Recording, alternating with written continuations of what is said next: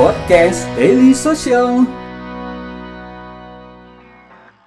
Ya selamat siang kembali lagi di Daily Social Podcast hari ini dan uh, Daily Social Podcast uh, break mungkin sekitar dua minggu dan ini mulai lagi di episode berikutnya. Dan spesial juga siang hari ini gue udah ketemu sama Mas Rizky ya. Dia adalah CEO dari Gredu selamat siang Mas Siang mas. gimana kabarnya sehat? Alhamdulillah baik mas. Jadi capek tapi sibuk banget ya dari keliling-keliling dari sekolah kayaknya. Benar, alhamdulillah.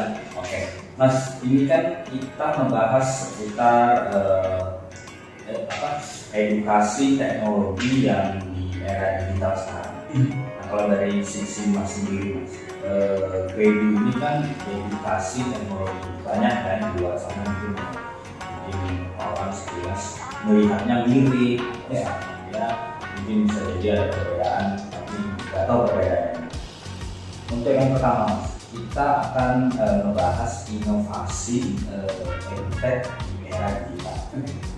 Kenapa harus ada edtech di era digital sekarang di Indonesia?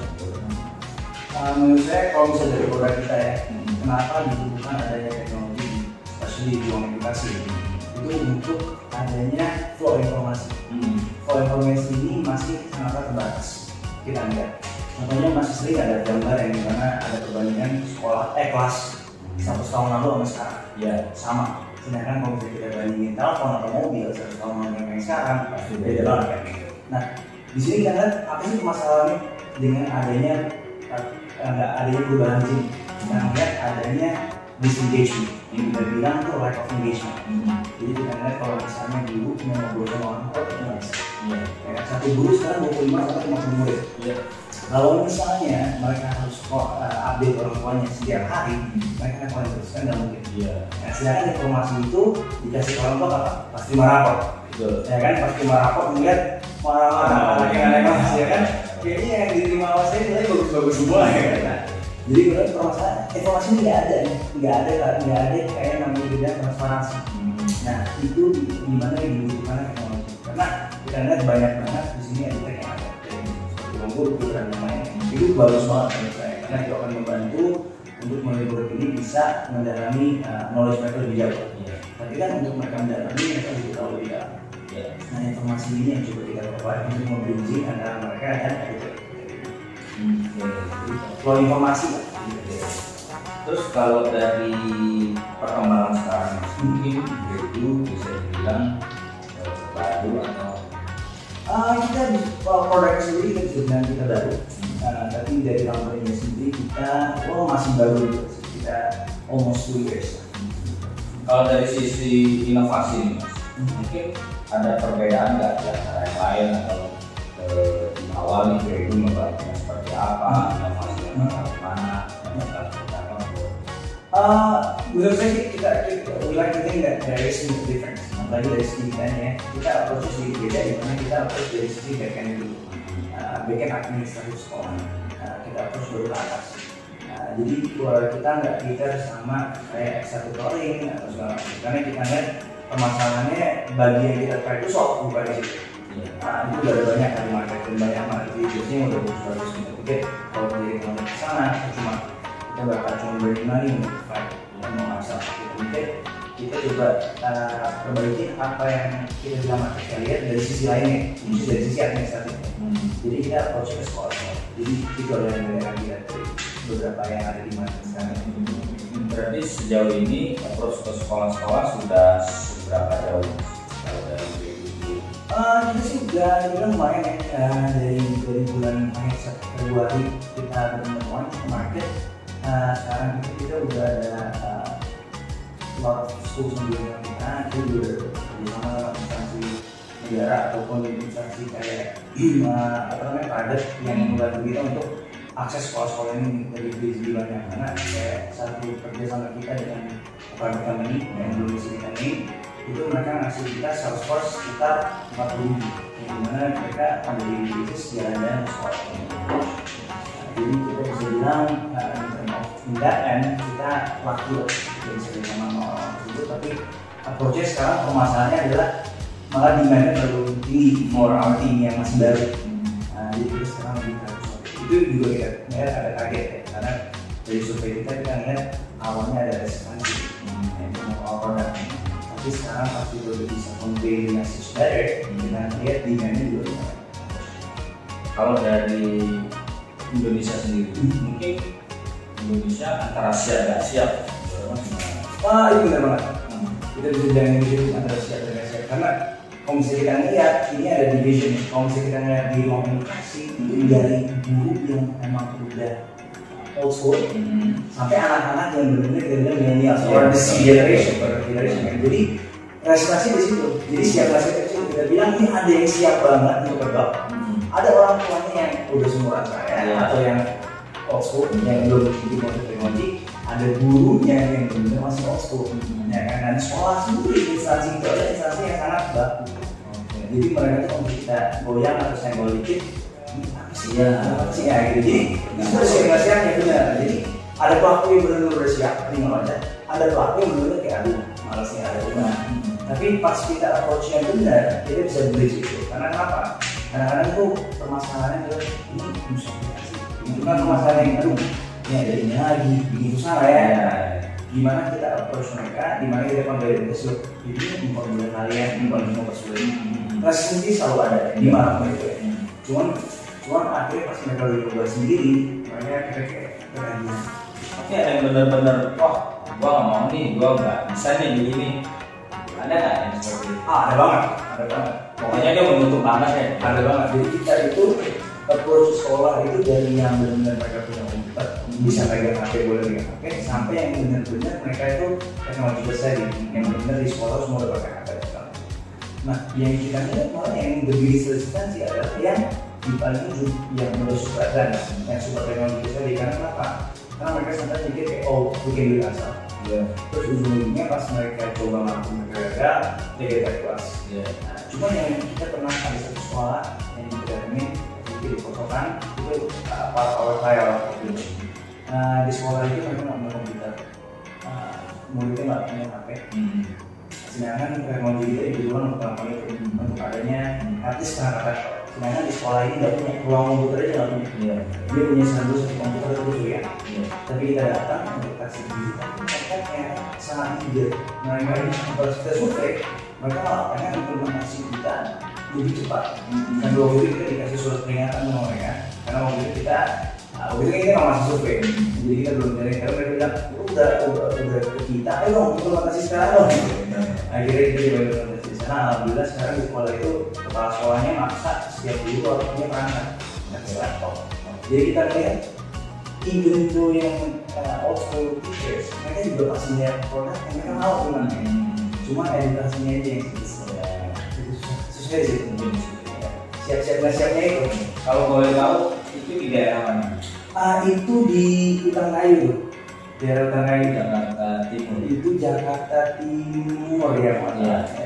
Makanya masih ada. ya. Padahal sebenarnya itu di kota. bener bayangin yang di pasar Hmm. kita kemarin baru dari dari mau bener di kosokan jadi ya kita mendarat dari di sana nanti kita harus terus kita tiga jam empat jam kosokan tapi pas kita mulai ngasih tahu apa yang sudah kita lakukan implementasi teknologi dalam edukasi dalam dalam lingkungan sekolah mereka malah mereka malah kayak oh sulit awalnya kayak dulu tapi sih ini yang bisa kita ngasih ya tapi pas udah dijelasin mereka malah uh, upgrade Nah, sejauh ini mas, kalau dari Gredu sendiri, Hmm. ada data yang valid nggak untuk sekolah-sekolah itu atau dari tim Gredu sendiri punya database atau atau dari eh, mungkin dari orang tua murid, mungkin dari teman-teman ngambil ketika untuk datang ke sekolah-sekolah itu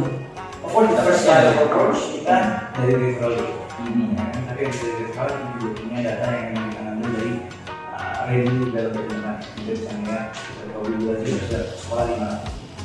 Uh, tapi kita lebih ke arah for now ya untuk tahap sekarang yang baru kita arah referral. Makanya ini mau ini mau dilamar sama sekolah yang lain, nah, jadi kita dari situ. Tapi itu pun approach sekolah semuanya personal. Hmm.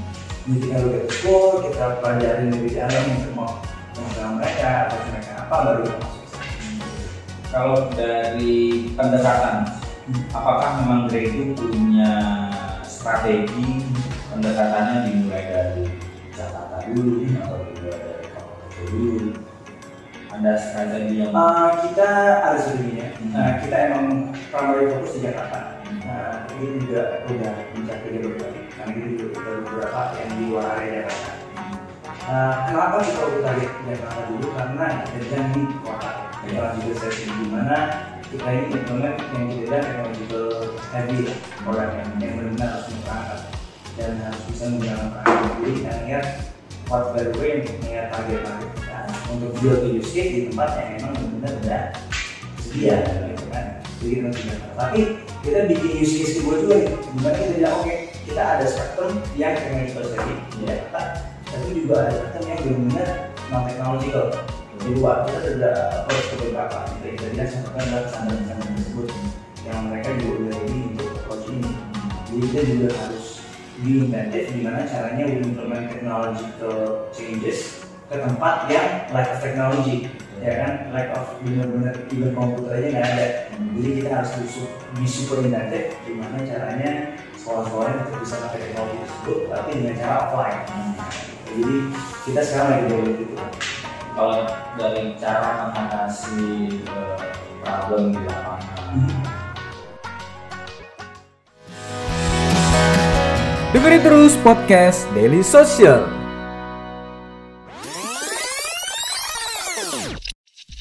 Follow us dailysocial.id. apa?